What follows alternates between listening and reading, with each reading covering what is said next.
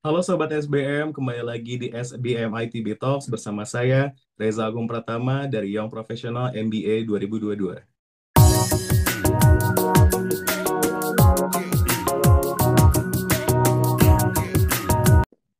Oke Sobat SBM, sekarang kita akan berbincang-bincang nih sama salah satu alumni SBM ITB, Kak Minardian yang sekarang beliau adalah Head of Category at Paragon Technology and Innovation dan juga uh, beliau adalah salah satu alumni dari SBM ITB angkatan 2011. Jadi mungkin uh, para sobat SBM uh, pengen tahu lebih jauh dan kenalan sama Kak Minar nih.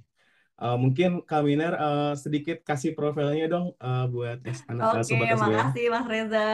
Wah, halo nih sobat SBM ya kan. Uh, perkenalin nama aku Menar Dian, panggil Menar boleh, Dian boleh, apa aja lah ya gitu. Nah, sekarang ini aku kesibukannya uh, aku sebagai head of kategori gitu ya dari consumer marketing uh, di PT Paragon Technology and Innovations gitu. Jadi uh, apa namanya uh, mencakupi kategori teens and emerging segment gitu ya. Uh, mungkin kita langsung ke pertanyaan pertama kali ya. Oke. Okay. Uh, nih, Kak, sebagai praktisi marketing nih ya Kak, uh, bagaimana tanggapan Kakak tentang fenomena live shopping? Ini kan udah mulai uh, viral gitu ya, udah mulai dipakai oleh banyak industri gitu. Nah, bagi Kakak ini apakah ini adalah gelombang strategi marketing baru? Oke. Oke, thank you nih pertanyaannya Kak Reza.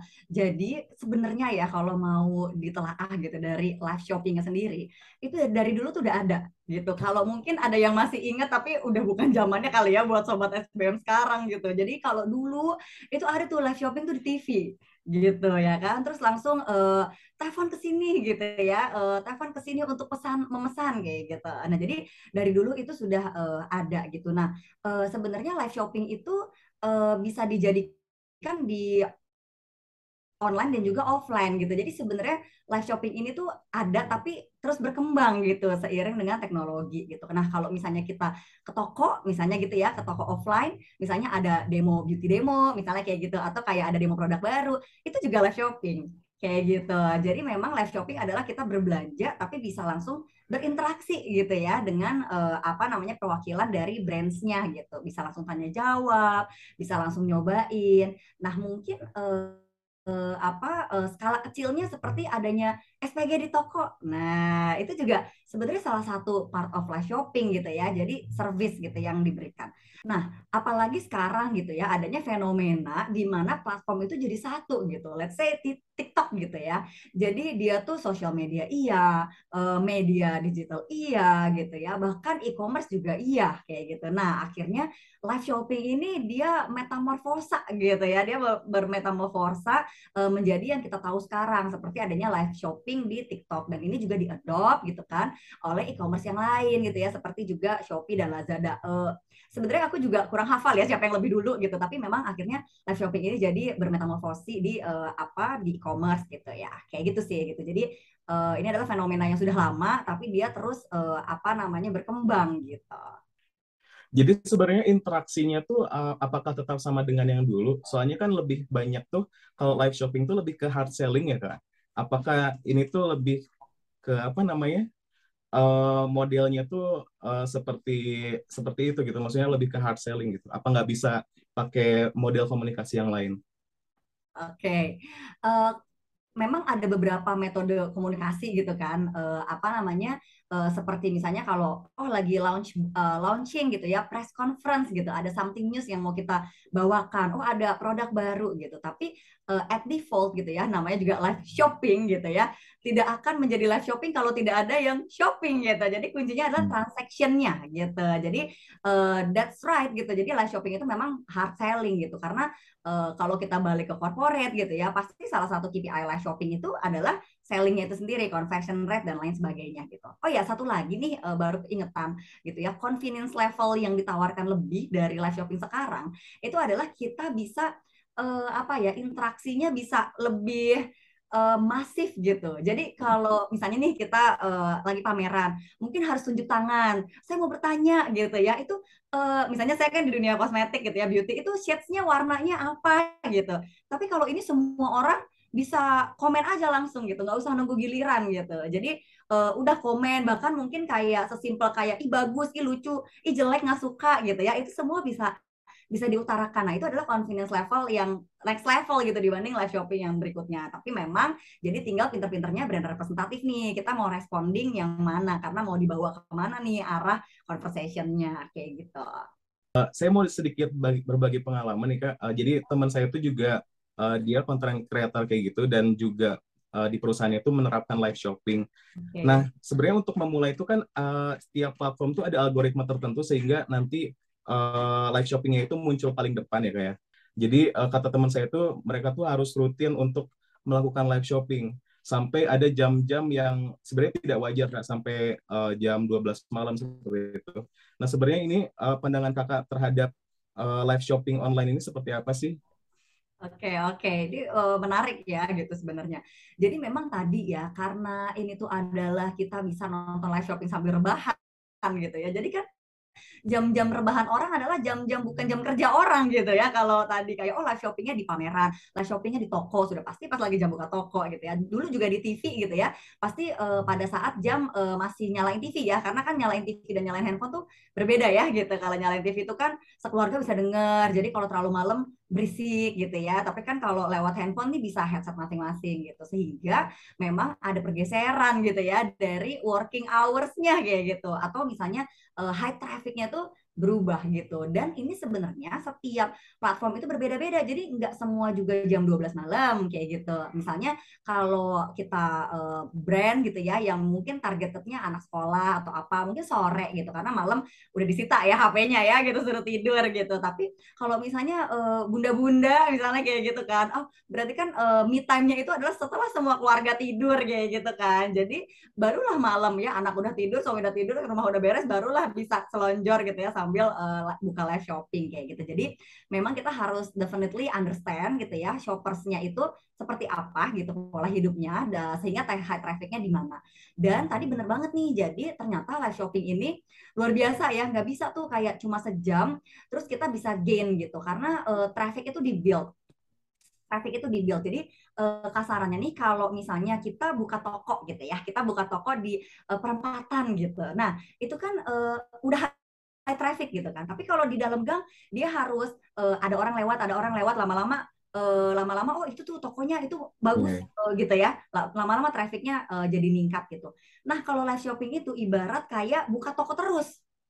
Jadi kayak uh, apa lagi buka toko uh, bikin traffic dulu gitu kan. Baru kayak algoritma itu kayak itu kayak tadi yang kayak offline itu word of mouth misalnya kayak gitu. Kayak itu tuh tokonya bagus tokonya bagus. Akhirnya algoritmanya diarahin itu pas begitu orang swipe itu ke sana gitu. Karena uh, apa misalnya platformnya tuh menciduk gitu ya oh ini uh, trafficnya sudah tinggi. Nah cuman celakanya gitu ya setiap live shopping kayak buka toko baru setiap live shopping kayak buka toko baru makanya uh, di uh, di dua jam gitu ya di dua jam dua setengah jam tuh baru tuh rame nah kita juga kan ada yang namanya live shopping ads gitu ya. Jadi live shoppingnya kita push juga nih, kita injek budget gitu ya untuk ads. Itu juga bekerjanya kayak kurang lebih sejam gitu. Nah itu mungkin sebenarnya itu mungkin something yang let's say mungkin di tahun depan udah nggak gitu lagi ya mungkin ya gitu karena kan teknologi ini cepet banget gitu berkembangnya jangan-jangan di tahun depan begitu buka toko pertama mungkin traffic-traffic yang live-live sebelumnya bisa tercarry kayak gitu cuman kalau sekarang belum tuh sayangnya jadi bener banget sampai 4 jam gitu. Bahkan banyak banyak juga gitu ya agensi atau perusahaan yang punya freelancer cuma buat live doang gitu. Jadi 8 jam kerja dia ya sok ya live ya gitu sampai jadi absennya di live gitu. Jadi sebenarnya uh, tergantung segmentasinya uh, uh, kapan mereka harus live apa ya jam live shoppingnya gitu ya. Betul betul. Nah, uh, saya penasaran kak, uh, sebenarnya di perusahaan kakak sendiri udah menerapkan nggak sih live shopping ini? oh pasti ya gitu karena aku teh di beauty industry gitu kan jadi kan harus ngeracun gitu jadi bahasanya itu kita harus ngeracun nah salah satu ngeracunnya ya lewat digital digital content atau juga live shopping itu gitu nah biasanya uh, memang uh, fenomena live shopping ini pasti dilakukan juga karena kan melihat marketnya gitu kan. Kan kayak apa iya kalau jual mobil live shopping? gitu kan. Uh, orang apa harus mikir harus uh, bikin pembukuan dulu, ini cicilannya masuk nggak, nanti gitu kan keuangan uh, serumah gimana. Nah, jadi kan pasti juga ada produk-produk yang uh, dia cocok gitu dengan live shopping atau enggak. Nah, memang karena industri aku beauty gitu, sehingga ini cocok banget gitu karena memang impulse produk gitu ya. Padahal mungkin lipstiknya udah setas tuh, udah penuh udah nggak tahu lagi mau pakai yang mana hari ini tapi tetap aja kalau kena racun pengen beli lagi kayak gitu jadi itu definitely dilakukan sih uh, Kareza gitu nah kebetulan karena udah menerapkan nih ya uh, sejauh ini seberapa besar sih efektivitasnya oke okay. uh, efektivitasnya tuh uh, uh, plus uh, berbeda-beda juga nih setiap brand gitu. Jadi uh, kan aku juga handle beberapa brand nih gitu ya. Ada brand yang dia sudah very established kayak gitu, yang sudah uh, diketahui di mana-mana gitu. Nah biasanya dan juga distribusinya sudah tinggi gitu. Jadi kayak oh let's say di uh, Guardian Watson sudah ada, di minimarket ada. Nah, biasanya efektivitas live shopping itu mungkin uh, incrementalnya ya. Tapi kalau sales kan pasti tinggi ya karena brandnya sudah well known, tapi mungkin incrementalnya uh, lebih rendah daripada yang baru launching gitu. Yang misalnya memang uh, distribution fokusnya masih di e-commerce yang kayak gitu karena uh, apa scarcity ya karena juga masih uh, apa langka. Jadi kayak uh, apa namanya ya udahlah mau check out sekarang gitu. Tapi kalau yang memang sudah distribute well gitu kadang live shopping ini bisa jadi uh, direction uh, conversion jadi langsung belanja gitu ya atau bisa jadi untuk nambah considerations tapi nanti bisa jadi belanjanya di toko kesayangan dia dia juga gitu. Jadi uh, bisa ada dua route gitu. Tapi kalau efektif pastinya efektif kayak gitu. Bahkan gitu ya live shopping itu juga menjadi satu strategi gitu jadi yang tadinya mungkin must have gitu ya. Nah, sekarang kita benar-benar punya uh, live uh, studio gitu atau juga uh, live kalender gitu. Terus live live detailnya tuh very detail gitu. Apa yang mau diomongin di situ, promonya apa, virtual backgroundnya apa, giftnya apa, berapa aja mau dipasang ads berapa. Jadi uh, udah very uh, that strategic sih gitu. Jadi kan tadi uh, ngomongin tentang efektivitas dari live shopping itu. Hmm. Nah, saya mau tanya seberapa penting sih si moderator atau MC oh, iya. buat live itu? Nah, terus uh, di perusahaan kakak sendiri uh, kompetensi live, uh, MC apa yang di yang dicari gitu? Apakah dia harus terkenal atau misalnya public speakingnya bagus? Ah, iya, sih, Itu. Jadi pertama adalah seberapa penting uh, MC-nya itu penting banget, penting banget gitu ya karena uh, apa namanya di sana kan dia akan menjadi representatif brand kayak gitu uh, bisa bayangkan gitu ya brand yang misalnya sudah dibangun sedemikian rupa sekian tahun gitu ya uh, nah itu akan direpresentatifkan tuh empat jam itu oleh uh, orang tersebut gitu ya oleh, MC-nya tersebut oleh si live shoppers apa si live live-nya lah gitu ya si talentnya gitu kan. Biasanya kita nyebutnya talentnya gitu. Nah jadi itu sangat penting gitu. Uh, terus uh, habis itu gitu ya untuk masalah requirement Nah, itu tuh memang ada pergeseran nih gitu ya dari yang dulunya yang Instagram live gitu ya sampai ke sekarang live shopping gitu. Jadi kalau dulu gitu ya, tapi kalau dulu tuh mungkin yes gitu ya public speakingnya bagus gitu tapi gimana caranya mungkin secara image itu mungkin bisa lebih dibawa gitu jadi misalnya uh, oh tutur katanya tuh lebih baik gitu ya lebih maksudnya sopan corporate yang kayak gitu segala macam. Tapi begitu sekarang gitu ya di apa namanya di live shopping fenomena ini uh, kualifikasinya jadi bergeser gitu yang di mana uh, si MC-nya itu atau si talentnya itu bisa berkomunikasi benar-benar dengan bahasa sehari-hari gitu ya. Tetap merepresentatifkan brand tapi benar-benar bahasa sehari-hari dan bisa ngeracun. Itu sih jadi kayak mungkin kalau ini e, gimana sayang? Bisa kan? Oh bagus kan sayang? Gitu. Nah itu dulu zaman zaman Instagram lah itu nggak nggak sayang sayang begitu tuh gitu. Gimana besti? Keren kan? Uh, swatch aku kayak gitu. Ya kan itu keranjangnya nomor tujuh tuh kayak gitu. Jadi hmm, ada ada berasa ya gitu bedanya yang tadinya mungkin kayak dia bisa imagery tapi sekarang benar-benar selling skill dan negotiation skillnya itu jadi nomor satu. Nah uh, aku mungkin sharing sedikit ya juga banyak sekali mungkin kompetitor dari company aku gitu ya yang acap kali tuh MC-nya eh, kok ya cowok terus kadang tuh kayak ngantuk gitu ya. Nah itu sih kita juga avoid gitu ya sebisa mungkin meskipun dia bisa ngeracun tetap harus bisa jadi membawakan image juga kayak gitu. Nah sebenarnya uh, eh, MC itu kita harus menyesuaikan nggak sih sama target market? Kayak misalnya mungkin uh, segmentasinya adalah anak-anak, misalnya MC-nya harus uh, ibu-ibu kah atau seperti apa?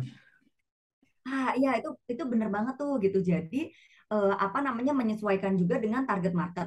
Kadang uh, MC itu tidak mesti sama dengan target marketnya. Misal pas lagi ibu-ibu, mungkin kita pasang MC cowok ganteng ya kan, melek tuh malam-malam, ih seneng gitu ya ngeliat uh, apa namanya ganteng nih ganteng beli ah misalnya kayak gitu. Nah kalau misalnya anak muda tadi kalau ibu-ibu malah ah ini mah kayak disamain sama aku ah gitu aku nggak mau ah gitu ya oh, swab gitu ya gitu tapi kayak eh ini yang uh, live kayaknya kayak bestie aku nih sepantaran aku gitu kan. Kayaknya lebih anes kayak gitu. Nah jadi itu bener banget. Tapi tadi tuh strateginya. Dan jangan sampai uh, terjebak gitu ya. Kadang uh, MC bisa jadi tidak sama dengan target marketnya gitu. Tiba-tiba kita yang uh, kayak uh, apa kayak sobat SBM nih yang muda-muda gitu ya. Uh, cewek-cewek mungkin harus kayak opa-opa Korea gitu kan yang yang nge-live. Nah kayak gitu tuh Mas Reza.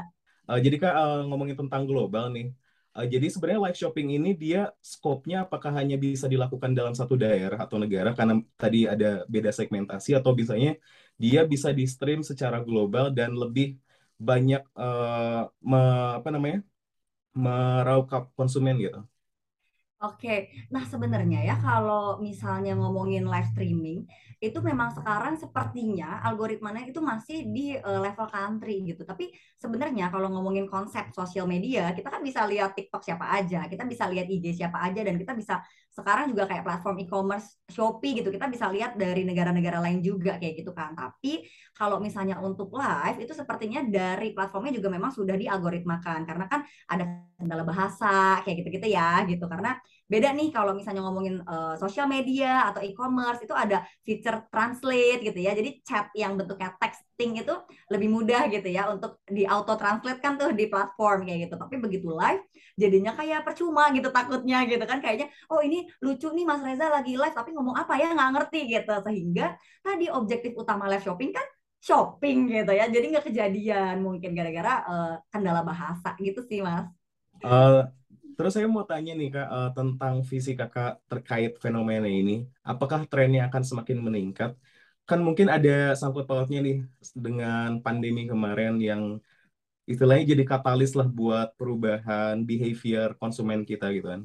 Nah, apakah ini akan meningkat atau justru uh, akan terhenti okay. gitu? Nah, ini uh, sebenarnya juga menarik banget ya, karena kemarin juga baru reading gitu hasil dari riset gitu ya yang uh, kita beli gitu ya secara korporat. Jadi memang uh, pada saat pandemik itu kan uh, online buying itu meningkatnya drastis ya. Semua orang siapa sih yang nggak mau punya online gitu ya. Bahkan kayak uh, warung kaki lima juga buka Shopee misalnya kayak gitu. Nah tapi uh, apa namanya begitu pandemik ini mereda gitu ya kayak sekarang kan ya alhamdulillah ya sudah semakin mereda. Ternyata yang meningkat itu adalah omni jadi Omni Shoppers ini uh, skupnya beauty produk ya gitu. Jadi biar nggak di uh, generalisir ke mana-mana kayak gitu. Tapi beauty shoppers itu Omni Omni Shoppersnya meningkat. Tapi kalau untuk solus offline itu dia berturut menurun gitu ya. Jadi kalau orang yang hanya beli di offline doang menurun, online yang orang yang hanya beli di online itu meningkat. Tapi yang paling meningkat yang paling tinggi adalah orang yang akhirnya belanjanya omni. Jadi online jalan, offline jalan, kayak gitu. Nah, melihat uh, apa studi tersebut gitu ya, sepertinya malah akan berkembang sih gitu. Malah jangan-jangan berkembangnya live-nya jadi omni, kayak gitu. Jadi live-nya offline online. Nah, gimana tuh ya? Belum kebayang gitu. Cuman pasti akan selalu berkembang gitu. Dan hmm, bagaimana caranya kita sebagai company gitu ya, atau bisnis gitu kan dari teman-teman sobat SBM itu harus agile gitu. Jadi ini kan live shopping oh lagi keren-kerennya. Sampai tadi masuk ke strategi corporate gini gini gini. Eh tapi tiga bulan kemudian hilang. Nggak ada adanya apalagi tuh? Nggak tahu gitu ya. Itu gimana caranya kita benar-benar bisa open mind dan benar-benar bisa banting setir manuvernya tuh cepet gitu. Langsung bikin best practice-nya terus langsung switching budgetnya. Kan biasanya susah tuh yang paling susah switching budget kan gitu. Terus apanya? Nah kayak gitu tuh mas gitu. Jadi so far untuk sekarang ini masih akan terus berkembang karena omni buyers juga makin drastisnya drastis meningkat jadi gitu, intinya gitu. harus beradaptasi karena memang fenomenanya bergerak sangat cepat ya? Iya iya gitu. Uh, terus uh, terkait tantangan seperti apa nih uh, buat uh, fenomena live shopping ini? Apakah nanti akan ada barrier-barrier tertentu? Oke, nah untuk live shopping ini ya uh, sebenarnya uh, barriernya itu adalah uh, apa namanya kalau ngomongin barrier itu adalah si clickbait-nya itu sih gitu. Jadi uh, itu jadi sebuah dilema sih kalau menurut aku gitu ya. Jadi kalau ngomongin live itu biasa produk yang laku itu adalah yang promonya dalam gitu ya, yang promonya kencang gitu. Sedangkan uh, semakin kita bermain promosi gitu ya, maka maka kan sebenarnya image brand itu akan semakin turun gitu ya, loyalty juga akan turun. Bahkan mungkin kita juga bisa mengedukasi orang agar tidak loyal, mana yang diskon aja yang beli kayak gitu kan gitu. Nah, jadi uh, kalau udah kayak gitu kan mungkin suatu brand atau suatu produk itu akan menjadi komoditi ya kan kalau komoditi kan kayak beli gula ah mau gula merek apa ge? Yang penting diskon misalnya gitu. Ah mau beli beli beras? Ah yang penting diskon beli tisu misalnya kayak gitu segala macam. Nggak usah merek-merek contoh. Nah jadi uh, itu juga yang menjadi suatu dilema gitu gimana caranya kita bisa win di live shopping ini gitu ya. Tapi seperti apa main uh, promotions dan juga clickbait clickbaitnya gitu ya. Karena kan nggak ada clickbait itu orang uh, stay-nya nggak lama gitu. Jadi kayak pas dilihat dengerin bentar dia promonya apa sih apa gini-gini. Ah nggak menarik ah biasa aja beli di toko aja misalnya gitu dia langsung ganti lagi gitu tuh. Jadi gimana caranya kita uh, interested enough gitu dengan semua clickbait yang ada tapi gimana caranya juga kita nggak dragging down loyalty gitu ya brand image uh, dan lain sebagainya itu. Itu sih dilema Oke Kak, mungkin uh, sedikit insight nih untuk Sobat SBM yang misalnya baru mau memulai bisnis dan ingin menerapkan strategi live shopping ini, sebenarnya cara memulainya gimana sih? Terus uh, misalnya mulai dari nol, kan mungkin kakak uh, brand awarenessnya mungkin sudah sudah luas gitu ya, orang sudah banyak mengenal.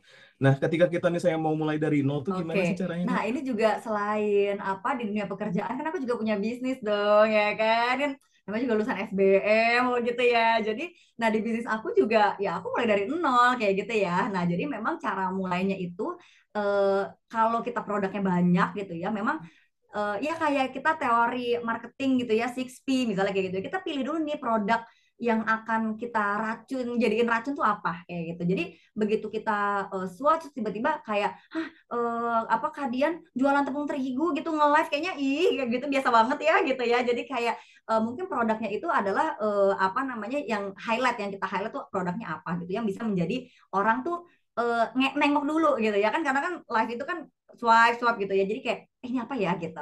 Nah uh, untuk meng-highlight produk itu juga memang sekarang agak cukup lebay, agak cukup uh, exaggerated gitu ya. Jadi hmm, yang kita tahu di dunia beauty kan kayak sampai oh ini tuh lima kali kandungan apa, oh ini apa gitu. Jadi kayak ya memang klaim itu harus uh, terlihat gitu ya. Jadi klaim gitu. Jadi kayak oh ya ini sabun muka ya sabun muka banyak tapi oh ini sabun muka yang ini ini gitu misalnya di virtual background backgroundnya kelihatan gitu jadi uh, selain produk tapi produknya itu highlight dari produknya itu juga harus tampil gitu ya gitu. Set gitu gede gitu. Nah dari produk kalau ngomongin price dan promotion jadi satu lah ya gitu. Nah itu juga harus kita build gitu. Jadi uh, apa namanya pas lagi jadi memang pas mau live itu bener-bener direncanain tuh gitu ya. Mungkin kan aku bisnisnya uh, usahanya di pet shop nih ya ya kan di pet supply gitu. Jadi uh, ah abis ini aku mau apa ya? Oh mungkin pas lagi di during live paket ini tuh jadi diskon sekian tapi mungkin belinya paket. Karena kalau beli satu diskon uh, ntar marginnya makin tipis ya say gitu. Jadi kayak oh belanjanya kan 2 sampai tiga barang itu tuh jadi diskonnya dalam atau gimana gitu. Jadi langsung setting promosinya apa. Terus habis setting promosi hmm, baru kita juga uh, apa setting live-nya gitu ya. Mulai dari itu setting live itu penting banget. Jadi uh, saat kita set studio studio-studioan ya, bisa di kamar, bisa di mana juga bisa gitu. Nah, usahain itu kita memang uh, clean gitu ya, tidak akan banyak distract ada lalu lalang. Terus juga ada tempat untuk mendisplay produknya kayak gitu. Jadi uh, mana nih produknya ditaruh di mana kan ini live shopping ya, bukan lagi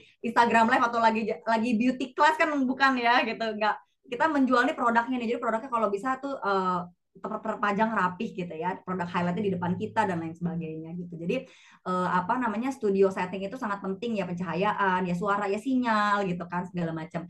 Nah eh, habis dari studionya itu kita juga siapin properti gitu. Jadi ini memang kayak lagi manggung eh, kan. Gimana nih coba sobat SBM yang habis Odyssey gitu. Masih ada nggak sih Odyssey sekarang ya? Jadi ini juga eh, penting gitu ya. Jadi pelajaran-pelajaran dulu ya gitu ya. Jadi properti juga harus disiapin gitu. Jadi misalnya contoh kalau misalnya barangnya itu cukup banyak terus ada promosi-promosi bikinlah cue card cue card gitu kan. Jadi kayak nih ditongolin lihat nih before afternya gitu. Set set gitu. Jadi propsnya tuh banyak gitu. Terus kalau misalnya jual lipstick misalnya itu tangan tuh udah kayak bekas kerokan ya gitu. Kayak tek tek tek tek tek gitu. Jadi kayak kak mau lihat yang nomor 17 nih yang ini nih kakak gitu. Jadi semua properti itu harus udah ready gitu. Jadi jangan sampai mana ya ambil dulu misalnya kayak gitu. Jadi setting studio itu udah input properti gitu. Nah, habis itu sebelum mulai banget nih kita harus coba uh, ada dua lagi gitu kan, yaitu adalah si judul dan caption gitu ya. Jadi karena kan pasti di platform kita mungkin udah ada followers gitu ya. Terus kalau misalnya Minardian Live, ih bro amat gitu kan. Tapi kayak misalnya